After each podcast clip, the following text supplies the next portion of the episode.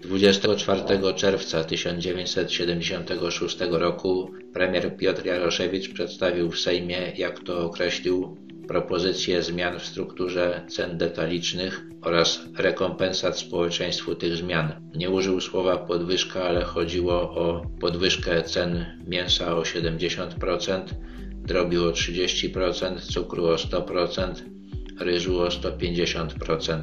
Te podwyżki wynikały z trudnej sytuacji budżetu państwa. Strategia gospodarcza Edwarda Gierka nie przyniosła spodziewanych rezultatów. Następnego dnia w Polsce wybuchły protesty przeciwko tym podwyżkom. Najbardziej gwałtowny przebieg miały one w Radomiu, gdzie wyszło na ulicę ponad 20 tysięcy ludzi. Spalono Komitet Wojewódzki PZPR i zrabowano wiele sklepów. W Ursusie protestowało ponad 14 tysięcy ludzi i rozkręcono szyny kolejowe. Według danych Ministerstwa Spraw Wewnętrznych strajki przeciwko podwyżkom wybuchły w 112 zakładach pracy i uczestniczyło w nich około 80 tysięcy ludzi.